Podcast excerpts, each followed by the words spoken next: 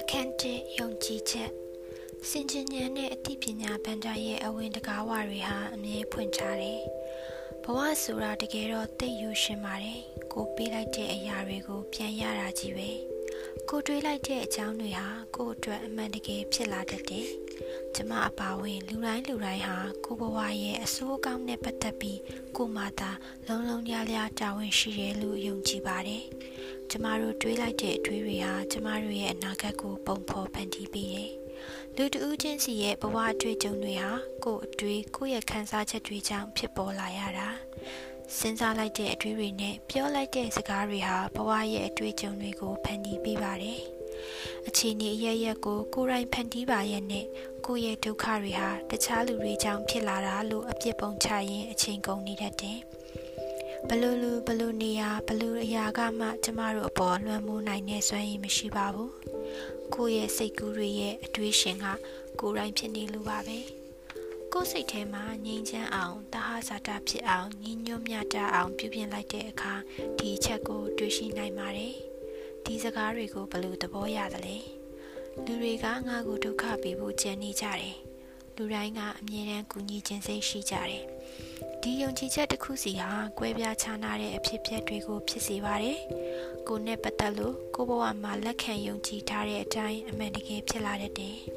။ကိုစဉ်းစားတဲ့အတွေးတွေနဲ့ယုံကြည်မှုတွေကိုစကြဝဠာစွမ်းရင်ကြီးကလုံးဝထောက်ခံပေးတယ်။ နောက်တနည်းပြောရရင်ကိုယ့်ရဲ့ယုံကြည်ချက်တွေကိုမတိစိတ်ထဲမှာလက်ခံသိမ်းဆည်းလိုက်တယ်လို့ဆိုလိုတာပေါ့။ကျမဘဝမှာကျမလက်ခံယုံကြည်ထားတဲ့အတိုင်းဖြစ်လာသလိုတခြားလူတယောက်ကလည်းသူ့ဘဝမှာသူလက်ခံယုံကြည်ထားတဲ့အတိုင်းဖြစ်လာတယ်။ဘာတွေကိုတွေးနိုင်နေဆိုတဲ့ရွေးချယ်မှုတွေကိုတော့လုံးဝကန့်သက်မထားပါဘူး။ဒီတစ်ချက်ကိုသာသိထားရင်လူတိုင်းကအမြဲတမ်းကူညီခြင်းစိတ်ရှိကြတယ်ဆိုတဲ့စကားကိုပဲရွေးပြကြမှာပါ။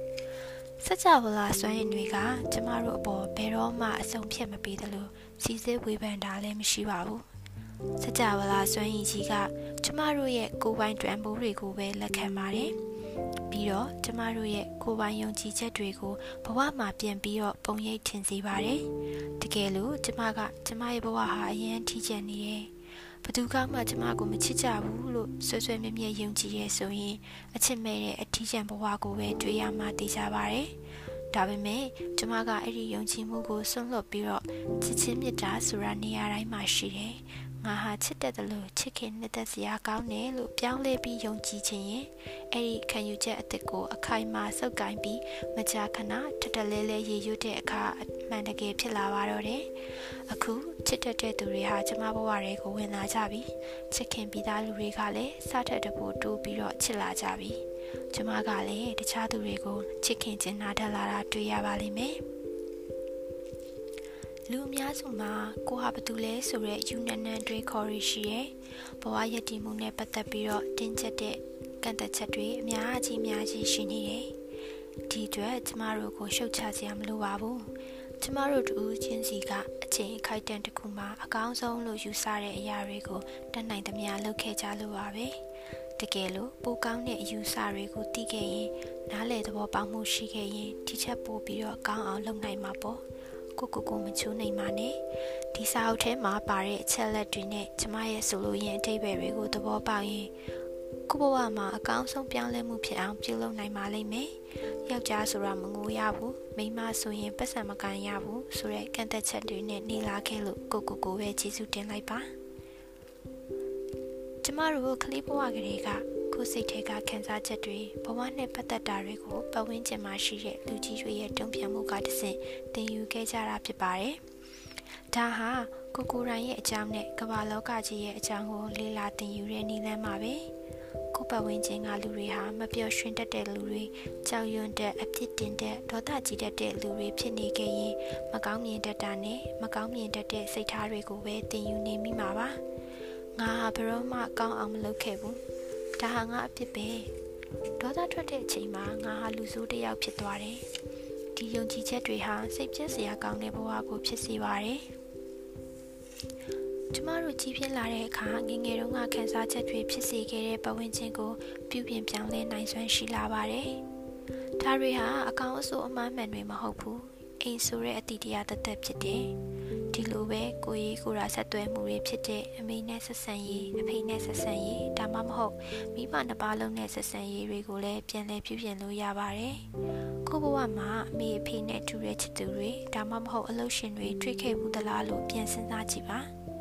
မိဘတွေကကျမတို့ကိုပြုမှုဆက်ဆံတဲ့အတိုင်းကိုကိုကိုပြုမှုဆက်ဆံကြတယ်။သူတို့ကစုပူအပြစ်ပေးတယ်လို့ကိုကိုကိုအပြစ်ပေးတတ်ကြတယ်။နားထောင်ကြည့်ရင်ကြားနိုင်ပါတယ်။ကလေးဘဝကအချစ်ခံရဂယုဆိုင်အားပေးခံရရင်ကိုကိုကိုချစ်တဲ့အားပေးတတ်မှာပါပဲ။မင်းဘယ်တော့မှမှန်အောင်မလုပ်နိုင်ဘူး။အားလုံးကမင်းဖြစ်တွေပဲဒီလိုစကားမျိုးကိုကိုကိုမကြာခဏပြောတတ်သလား။ဒါမှမဟုတ်တိတ်တော်တာပဲချစ်ဖို့ကောင်းလိုက်တာလို့ကိုကိုကိုပြောဘူးသလား။ ဒီအကြောင်းကြောင့်တွေကြောင့်မိဘတွေကိုပြစ်မတင်ပါဘူးကျမတို့အားလုံးဟာမတိနာမလဲတဲ့တားကောင်တွေပါပဲကိုယ်တိုင်တောင်တည်တည်ချာချာမသိတဲ့အကြောင်းအရာတွေကိုဘယ်လိုသင်ပေးနိုင်မှာလဲတကယ်လို့မိဘတွေဟာသူတို့ကိုသူတို့ဘယ်လိုချစ်ရမယ်ဆိုတာသိမသိရင်သူတို့ရဲ့ကလေးကိုလည်းကိုကိုကိုဘယ်လိုချစ်ရမလဲဆိုတာသင်ပေးနိုင်မှာမဟုတ်ဘူးသူတို့ငငယ်တုန်းကသင်ကြားခံခဲ့ရတဲ့လောက်ပဲသင်ပေးနိုင်လိမ့်မယ်ကိုမိဘတွေအကြောင်းကိုပို့ပြီးတော့နားလည်ခြင်းရင် သူတို့ကလေးဘဝကအဖြစ်အပျက်တွေကိုမေးကြည့်ပါသူတို့ဘာကိုကြောက်တယ်လဲသူတို့ရဲ့အခက်အခဲတားဆီးတွေကဘာလဲကိုကစိတ်အာရုံထက်ထက်တန်တန်နားထောင်ရင်ဒီကြောက်ရွံ့မှုတွေဟာဘာကြောင့်ကြောင့်ဖြစ်လာလဲဆိုတာကိုရိပ်မိနိုင်ပါတယ်သူတို့ကြောက်တဲ့အရာတွေဟာကိုကြောက်တဲ့အရာနဲ့ထပ်တူဖြစ်နေလိမ့်မယ် ကိုယ့်ရဲ့မိဘတွေကိုကိုကရွေးချယ်တာလို့ကျွန်မယုံကြည်ပါတယ်။ကျွန်မတို့တူချင်းစီကဒီကဘာချိုးပေါ်မှာလူသားအဖြစ်မွေးဖွားလာဖို့အတိတ်ကံအကြောင်းတရားတွေကခြေလဲတာပါ။ယောက်ျားလားမိန်းမလားဘယ်နိုင်ငံလဲဘာလူမျိုးလဲဘလို့မိဘတွေစီမှာလူဖြစ်မှာလဲဆိုတာကျမတို့တူချင်းစီရဲ့အခြေခံတွေကရွေးချယ်ခဲ့ကြတယ်။ကျမတို့လူလားမြောက်ပြီးတော့ကြီးပြင်းလာတော့မှမိဘတွေကိုတရခံလို့လက်ညှိုးထိုးပြီးသူတို့ကြောင့်လို့ဆွဆွဲတာမှန်ကန်ပါရဲ့လား။ တကယ်တော့ချုပ်ကိုယ့်ရဲ့မိဘတွေကိုကိုကရွေးချယ်ခဲ့တာပါကျမတို့ဟာငယ်ရွယ်နှုတ်နေတဲ့ကလေးဘဝကစပြီးယုံကြည်ချက်တွေကိုလေ့လာသင်ယူခဲ့တယ်။ဒီယုံကြည်ချက်တွေနဲ့ကိုက်ညီတဲ့ဘဝတွေ့ကြုံတွေကိုပေါ်ဆောင်ပြီးတော့ဘဝခရီးလမ်းကိုရှောက်လန်းခဲ့ကြတယ်။ကိုယ့်ရဲ့အထိတ်ကာလကိုပြန်ကြည့်ရင်တူညီရဲ့ဘဝတွေ့ကြုံတွေကိုမကြာခဏဖြစ်တတ်သလားလို့သတိထားကြည့်ပါ။ ဘာဖြစ်လို့လဲဆိုတော့ကိုယ့်ရဲ့ယုံကြည်ချက်တွေဟာချင်းမုံမှန်လို့အရေးထင်ပြီးတော့ထက်တလဲလဲဖြစ်စေတယ်လို့ပါပဲဒီပြဿနာဟာဘလောက်ရှည်ကြခဲ့ပြီးဘလို့ကြီးမားတယ်ဘဝကိုကြပြောင်းကြပြန်ဖြစ်စေတယ်ဆိုတဲ့အချက်တွေကအရေးမကြီးပါဘူးစွမ်းအားအပြည့်ရှိနေတဲ့အချိန်ကတော့အခုလက်ရှိပြစ္ဆုတ်ပံကာလလေးပါပဲဘဝမှာကြုံတွေ့ခဲ့သမျှဖြစ်ပျက်တွေအလုံးဟာအတိတ်ကကိုယ့်ရဲ့အကျွေးတွေနဲ့ယုံကြည်မှုတွေရဲ့ဖန်တီးချက်ဖြစ်ပါတယ်။ မနေ့ကပြီးခဲ့တဲ့သတင်းပတ်ကပြီးခဲ့တဲ့လပြီးခဲ့တဲ့နှစ်10နှစ်အနှစ်20အနှစ်30အနှစ်40ဒါမှမဟုတ်ဒီထက်ကြာညောင်းတဲ့ကာလတွေမှာပြောခဲ့ဆိုခဲ့တွေးခဲ့တဲ့စကားလုံးတွေအတွေ့တွေကဖန်တီးခဲ့တာပါဒါပေမဲ့ကိုယ့်ရဲ့အတိတ်ဆိုတာပြီးဆုံးသွားခဲ့ပြီတကယ်အရေးကြီးဆုံးအချိန်ကတော့အခုလက်ရှိပြစ္ဆုတ်ပံအချိန်ပဲဖြစ်ပါတယ် လက်ရှိအချိန်မှာရှိတဲ့အတွေးတွေနဲ့စကားလုံးတွေကအနာဂတ်ကိုပုံဖော်ပါလိမ့်မယ်။စွမ်းအားအပြည့်ရှိနေတဲ့အချိန်ကဒီနေ့ဒီအချိန်ပဲဖြစ်ပြီးမနေ့ပြန်နောက်တစ်ပတ်နောက်တစ်လနောက်နှစ်တွေမှာဖြစ်လာမယ့်အတွေ့အကြုံတွေကိုတိစောက်ပြီးတယ်။အခုချိန်မှာဘာတွေတွေးနေသလဲဆိုတာကိုသတိထားကြည့်ပါ။အကောင်းမြင်လားအဆိုးမြင်လားဒီအတွေးတွေနဲ့အနာဂတ်ကိုဖန်တီးခြင်းလားတတိဖြူစင်ခြင်းကြည့်ပါ။ အထက်ကအကြောင်းရင်းကအတွေ့တစ်ခုကြောင့်ဆက်နွယ်ပြီးဖြစ်နေရတာအဲ့ဒီအတွေ့တစ်ခုကိုပြောင်းလဲနိုင်ပါတယ်ပြဿနာကဘာပဲဖြစ်နေပါစေအတွင်းစိတ်ကအတွေးကြောင့်အပြင်မှာအကျိုးသက်ရောက်မှုတွေဖြစ်လာတာပါမုန်းတီးတယ်ဆိုရက်စိတ်ကကိုကိုကိုမုန်းတီးရဲ့အတွေးကြောင့်ဖြစ်တယ်ငါဟာလူဆိုးပဲလို့တွေးလိုက်တယ်ဆိုပါစို့အဲ့ဒီအတွေးကခံစားချက်ကိုဖြစ်စေတယ်ဒါကြောင့်ကိုကခံစားရတော့တာပါ ဒါပေမဲ့အဲ့ဒီအတွေးမရှိရင်ဒီလိုခံစားချက်လည်းရှိမှာမဟုတ်ဘူးအတွေးဆိုတာပြောင်းလဲလိုက်လို့ရတယ်အတွေးကိုပြောင်းလဲလိုက်တာနဲ့ခံစားချက်မတူတော့ဘူးဒါဟာယုံကြည်မှုအများစုမြပြခံရကိုပြနေတာသာဖြစ်ပါတယ်ကျမတို့နာကျင်ခဲ့ရတာတွေအပေါ်တွဲကပ်မနေပါနဲ့အတိတ်ဆိုတာဘာအစွမ်းမှမရှိပါဘူး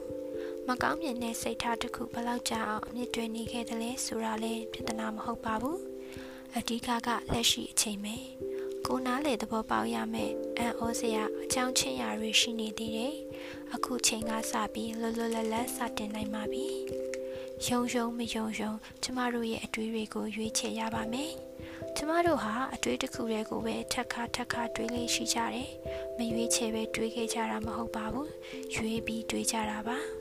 ဒါပေမဲ့တချို့အတွေးတွေကိုမတွေးဘဲနေလို့ရပါတယ်။အကောင်းမြင်ရှုထောင့်ကတွေးဖို့ညှင်းပယ်ခဲ့တာဆိုရင်မကောင်းမြင်တဲ့အတွေးကိုလည်းညှင်းနိုင်ရမှာပေါ့။ကျမဒီတလောက်ပြောရရင်ဒီကဘာချိုမှာရှိတဲ့လူတိုင်းလူတိုင်းဟာကိုကိုကိုမုံတီးစိတ်နဲ့အပြစ်တင်စိတ်တွေရှိကြပုံပါပဲ။အနေများတော့ကွာပါလိမ့်မယ်။ ကိုကိုကိုမုံတီစိတ်နဲ့အဖြစ်တင်စိတ်တွေများလာလေလေဘဝမှာမဖြစ်ချွန်းလေမုံတီမှုနဲ့အဖြစ်တင်မှုတွေနည်းလာလေလေဘဝဟာနေပြောပြီးပိုကောင်းလာလေလေဖြစ်ပါတယ်ကျမတွေ့ဘူးတဲ့လူတိုင်းရဲ့အတွင်းစိတ်ထဲမှာဆွဲမြဲနေတာဟာငါဟာတိတ်မတော်ဘူးတဲ့တခါတလေဒီလိုပြည့်ဆွတ်တတ်သေးတယ်အစွမ်းရှိသလောက်မလုပ်ခဲ့ဘူးငါမရထိုက်ဘူးလို့ပြောမိဘူးတလား ငါဟာတိတ်မတော်ဘူးလို့ခဏခဏပြောပြီးခြေခွဲနေတတ်သလားဘသူနဲ့နှိုင်းရှင်ပြီးပြောနေတာလေဒီယုံကြည်ချက်တွေကိုယ်စိတ်ထဲမှာပြင်းထန်နေရင်ချစ်ခင်ပျော်ရွှင်ကျမ်းမာချမ်းသာတဲ့ဘဝကိုဘလို့ဖန်တီးနိုင်မှာလဲအတွင်းစိတ်ထဲကယုံကြည်ချက်တွေကကိုဖြစ်ချင်တဲ့ဘဝနဲ့အမြဲတမ်းဆန့်ကျင်ဘက်ဖြစ်နေတော့မှာပေါ့မတူညီတဲ့အရာနှစ်ခုကိုအတင်းပေါင်းစည်းဖို့ကြိုးစားရင်တဏှာမှာအမှားယွင်းတွေဖြစ်လာလိမ့်မယ်မုံ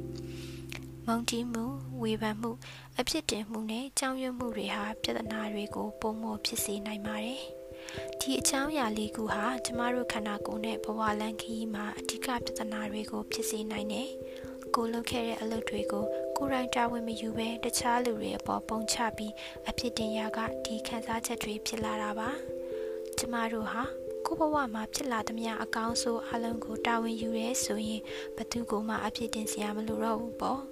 အပြင်မှာဘာတွေပဲဖြစ်ဖြစ်ကိုယ့်ရဲ့အတွင်းစိတ်ကအတွေးကြောင့်ရောင်မြန်ဟက်ပြီးပုံရိပ်ထင်လာတာလို့နားလည်ပါကျမဟာတခြားသူတွေရဲ့အမှုကျင့်ဆိုးတွေကိုမတိကျချုံပြူနေတာမဟုတ်ပါဘူးဒီလိုပုံစံနဲ့ဆက်ဆံခံရအောင်ဆွဲဆောင်နေတဲ့ကိုယ့်ရဲ့အတွင်းစိတ်ကအဆွဲကိုပြောတာဖြစ်ပါတယ်ကိုကိုကိုဒီလိုပြောမိရဲဆိုပါစို့လူတိုင်းကငါ့ကိုအမြဲဒီလိုလုပ်တယ်အခက်တွေအောင်လုပ်တယ်ငါဘက်မှာဘယ်သူမှမရှိဘူးငါ့ကိုခြေစုပ်ခုံလို့သဘောထားတယ်စော်ကားတယ် ဒီတွေးဟာလူတွေကကိုကိုကိုဒီလိုလုပ်အောင်ဆွဲဆောင်နေတဲ့ကိုရဲ့အတွေးတွေပဲကိုကဒီလိုမတွေးတော့ဘူးဆိုရင်အဲ့ဒီလူတွေကကိုကိုမနှိမ့်ဆက်နိုင်တော့ဘူးဒီလိုအတွေးမျိုးရှိတဲ့တခြားသူတွေစီလှည့်သွားကြလိမ့်မယ်အခုဖော်ပြမယ့်အခြေအနေတွေဟာစိတ်ကြောင့်ရုပ်ခန္ဓာမှာထိခိုက်လာရတဲ့ဥပမာတွေပါပဲမုံတီးမှုမချေမချမ်းဖြစ်မှုတွေဟာခန္ဓာကိုယ်ကိုတရည်ရည်လှိုက်စားပြီးကင်ဆာရောဂါဖြစ်စေတတ်တယ်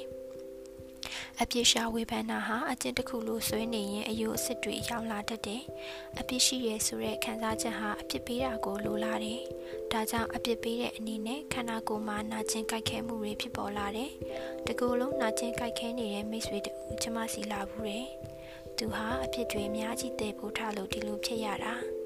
ကြောက်ရွံ့မှုနဲ့စိတ်ဖိစီးမှုတွေကြောင့်ထိတ်ပြောင်တာပွင့်နေတဲ့အနာနဲ့ခြေဘဝကွဲနာတွေဖြစ်တတ်တယ်။ နောင်နာနဲ့မုံတီးမှုတွေကိုဖြေလျှော့ပြီးခွင့်လွှတ်လိုက်ရင်ကင်ဆာရောဂါကိုတောင်ပျောက်ကင်းစေတယ်။ယူစင်လွန်နယ်လို့ထင်နေမှာပေါ့။ကျမကိုယ်တိုင်လက်တွေ့တတပျောက်ကင်းခဲ့တာပါ။အတိတ်ကာလကသဘောထားခံယူချက်တွေကိုပြောင်းလဲနိုင်ပါတယ်။အတိတ်ဆိုတာပြီးခဲ့ပါပြီ။ဒါကိုဘလို့မှမပြောင်းလဲနိုင်ပါဘူး။အတိတ်ကမှားယွင်းခဲ့တဲ့အတွေ့တွေကိုပြောင်းလဲနိုင်တာတော့မှအတိတ်ကိုမပြောင်းလဲနိုင်ဘူး။ အတိတ်ကာလမှာတစုံတစ်ယောက်ကထိခိုက်နာခြင်းအောင်လုပ်ခဲ့တာကိုမမိနိုင်မေအခုလက်ရှိအချိန်မှာကိုကိုကိုတန်ခတ်နေတာဘလောက်ယူသွတ်တဲ့အလုပ်လဲနင်းနေနေနေမုံတီနာကြီးနေတဲ့လူမျိုးနဲ့တွေ့ရင်ကျမဒီလိုပြောပါတယ်အလွယ်တကူလုံးနိုင်တဲ့အချိန်မှာအမုံတွေကိုအခုစတင်ပြီးတော့တင်မုံချလိုက်ပါခွဲစိတ်ခံတဲ့ဝင်ရကန်ဒီမှဒါမှမဟုတ်တင်းအမှုမှုဖြစ်တဲ့အချိန်ကြီးစောင့်မနေပါနဲ့အဲ့ဒီအချိန်မှာတော့စိတ်ကြရောက်ကြရဖြစ်နေမှာအမှန်ပဲလို့ ထိတ်ထိတ်ပြပြအခြေအနေကိုရောက်ရင်ကျမတို့ရဲ့စိတ်ဟာကူစားတဲ့အလုံးမှာအာရုံစိုက်ဖို့ခက်နေလိမ့်မယ်။ကြောက်ရွံ့မှုတွေကိုအရင်ဆုံးပျောက်ကွယ်သွားအောင်လုပ်ဖို့အချိန်တစ်ခုလိုပါတယ်။တကယ်လို့ကုကရမဲ့တဲ့သားကောင်အဖြစ်ကိုကိုကိုခံယူထားရင်အရာအလုံးဟာမျောလင့်ချက်မဲ့ပြီးစကြဝဠာစွမ်းအင်တွေကလည်းဒီယုံကြည်မှုကိုပိုပြင်းထန်အောင်အားပေးလိမ့်မယ်။ဒါဆိုရင်ရေစီးချောင်းနဲ့မျောပါဖို့လွယ်သွားပြီပေါ့။ ယူနတ်နဲ့အထွေးတွေကိုဖယ်ရှားလိုက်ဖို့အရေးကြီးပါတယ်။ဒီထွေးတွေကကိုကိုဘလို့မှအထောက်အကူမပြုနိုင်ဘူးအာမပေးနိုင်ဘူးဆိုတာကိုယုံကြည်ပါအတိတ်ကိုလွတ်လိုက်ဖို့အတွက်ခွင့်လွှတ်စိတ်ထက်တန်ရမယ်အတိတ်ကိုဖယ်ထုတ်ဖို့အတွက်ကျမတို့ကိုယ်တိုင်အပါအဝင်လူတိုင်းကိုခွင့်လွှတ်ဖို့လိုအပ်ပါတယ်ဘယ်လိုခွင့်လွှတ်ရမယ်ဆိုတာကိုမသိလို့ ခွင့်မလွတ်ချင်သေးလို့ဆိုတဲ့စင်ကြီးမျိုးမျိုးရှိနိုင်ပေမဲ့အထူးကပြောချင်တဲ့အချက်ကတော့ကိုကိုကိုကူစားတဲ့နီလန်းဟာခွင့်လွတ်ခြင်းနဲ့စတင်ရပါမယ်။ဒါဟာမဖြစ်မနေလုပ်ရမယ့်နီလန်းစဉ်ဖြစ်တယ်။ငါမင်းကိုခွင့်လွတ်တယ်။ငါဖြစ်စေချင်တယ်လို့မဖြစ်ခဲ့လို့ခွင့်လွတ်တယ်။မင်းအခုလွတ်မြောက်သွားပြီ။ဒီခံယူချက်ကကျမတို့ကိုလွတ်မြောက်စေပါတယ်။ခွင့်မလွတ်ခြင်းနဲ့စိတ်ကြောင့်ယောဂရီဖြစ်လာရတာ။ မကျမ်းမာတဲ့အခါတိုင်းကိုယ်နှလုံးသားထဲမှာဘသူကိုခွင့်လွှတ်ဖို့လိုနေသေးလဲလို့ရှာရပါမယ်။ထူးဆန်းအံ့ဩဖွယ်သဘာဝလွန်ဖြစ်ရများစာအုပ်ထဲမှာယောဂမှန်သမျှသည်ခွင့်မလွှတ်နိုင်ခြင်းမှလာသည်။မကျမ်းမာသည့်အခါတိုင်းမိမိကခွင့်လွှတ်ရန်လိုအပ်သူကိုမိမိပဝင်းခြင်းမှာရှာဖွေပါလို့ဆိုထားပါတယ်။ဒီအချက်ကိုပဲကျွန်မဖြစ်ဆွက်ပြီးတော့ပြောချင်ပါတယ်။ဘယ်တော့မှခွင့်မလွတ်ဘူးလို့သတ်မှတ်ထားတဲ့လူဟာကိုခွင့်လွတ်ရမယ့်သူဖြစ်ပါတယ်။ ခွင့်လွှတ်ခြင်းဆိုတာဟာအပြစ်ဟူသမျှမြူလောက်တောင်မကြံတော့ပါလို့ဆိုလိုရင်းဖြစ်တယ်။လက်လူရှူလိုက်တာမျိုးမဟုတ်ဘူးနော်။အရာအလုံးကိုပြီးဆုံးသွားပြီလို့သတ်မှတ်လိုက်တာပါပဲ။ကျမတို့အားလုံးဟာဘလို့ခွင့်လွှတ်ရမယ်ဆိုတာကိုသိဖို့မလိုဘူး။ခွင့်လွှတ်ခြင်းနဲ့စိတ်ဆန္ဒပြင်းပြဖို့ပဲလိုပါတယ်။ဒါဆိုရင်စကြဝဠာစွမ်းရည်တွေကဆက်လက်စောင့်ရှောက်သွားပါလိမ့်မယ်။ကျမတို့ဟာကိုယ့်ရဲ့ထိခိုက်နာကျင်မှုကိုကိုယ်တိုင်ခံစားသိကြတယ်။ နာကြည့်အောင်လုပ်ခဲ့တဲ့လူတွေကိုမှ နားလည်ပေးရမှာခွင့်လွှတ်ကြည့်အေးပေးရမှာဘလောက်ခက်ခဲတဲ့ထင်တယ်လေဒါပေမဲ့သူတို့မှလည်းထိခိုက်နာကျင်မှုတွေရှိနေနိုင်တယ်အဲ့ဒီအချိန်တုန်းကသူတို့တည်တမျှတက်တမျှလေးနဲ့အကောင်းဆုံးဖြစ်အောင်လုပ်ခဲ့ရှာမှာပဲလို့နားလည်ပေးဖို့လိုပါတယ်ပြဿနာတစ်ခုခုရှိလို့ကျမစီလာတဲ့သူတွေဟာကျမရေးချွတ်တဲတာ ဆင်းရဲနှံပါတာဆက်ဆံရေးပြက်ပြားနေတာဖန်တီးနိုင်စွမ်းမရှိတာဘာတွေပဲဖြစ်ဖြစ်ကျမကယူမဆိုင်ပါဘူးကျမလောက်ခိုင်းတဲ့အချက်တစ်ခုပဲရှိပါတယ်အဲ့ဒါကတော့ကိုကိုကိုချစ်တတ်ဖို့ပါပဲကိုကိုကိုတကယ်ချစ်တယ်လက်ခံတယ်ကျမတို့ကကိုကိုကိုထောက်ခံနေဆိုရင်အရာအလုံးဟာလှုပ်ရှားတဝင်လာလိမ့်မယ်မမြင်နိုင်တဲ့စွမ်းရည်ဆိုတာနေရာတိုင်းမှာရှိတယ် ကျမ်းမာရေးကောင်းလာရင်ဝင်ငွေပိုရအောင်ရှာနိုင်မယ်ဆက်ဆံရေးပုံမျိုးခိုင်မြဲအောင်လုပ်နိုင်မယ်စိတ်ကူးစိတ်တန်းကောင်းကောင်းနဲ့ဤလန်းတွေကိုရှာဖွေနိုင်မယ်တိတ်ကြိုးစားစရာမလိုပဲအရာအလုံးပြည့်ပြည့်စုံသလိုဖြစ်လာတယ်ကိုကိုကိုချစ်တာထောက်ခံတာလုံခြုံပေးခြင်းတဲ့နေရာတစ်ခုဖန်တီးထားတာယုံကြည်တာထိုက်တန်တယ်လို့ယူဆတာနဲ့လက်ခံတာတွေအလုံးဟာကိုယ်စိတ်ထဲမှာစူးစီးညီညွတ်တဲ့အားကိုဖြစ်စေတယ်ပိုးပြီးချစ်ခင်တွေထွေးတဲ့ဆက်ဆံရေးတွေဖန်တီးပေးတယ်အလုပ်သေးရနိုင်တယ် တည်လင်ကောင်းမွန်တဲ့နေအိမ်ရစီတယ်ကိုယ့်ရဲ့ခန္ဓာကိုယ်အလေးချိန်ကိုတော့ပုံမှန်နေထားရအောင်ဆွမ်းဆောင်နိုင်တယ်ကိုကိုကိုချစ်တဲ့သူတွေဟာတခြားသူတွေနဲ့လည်းပြဿနာမဖြစ်ကြဘူး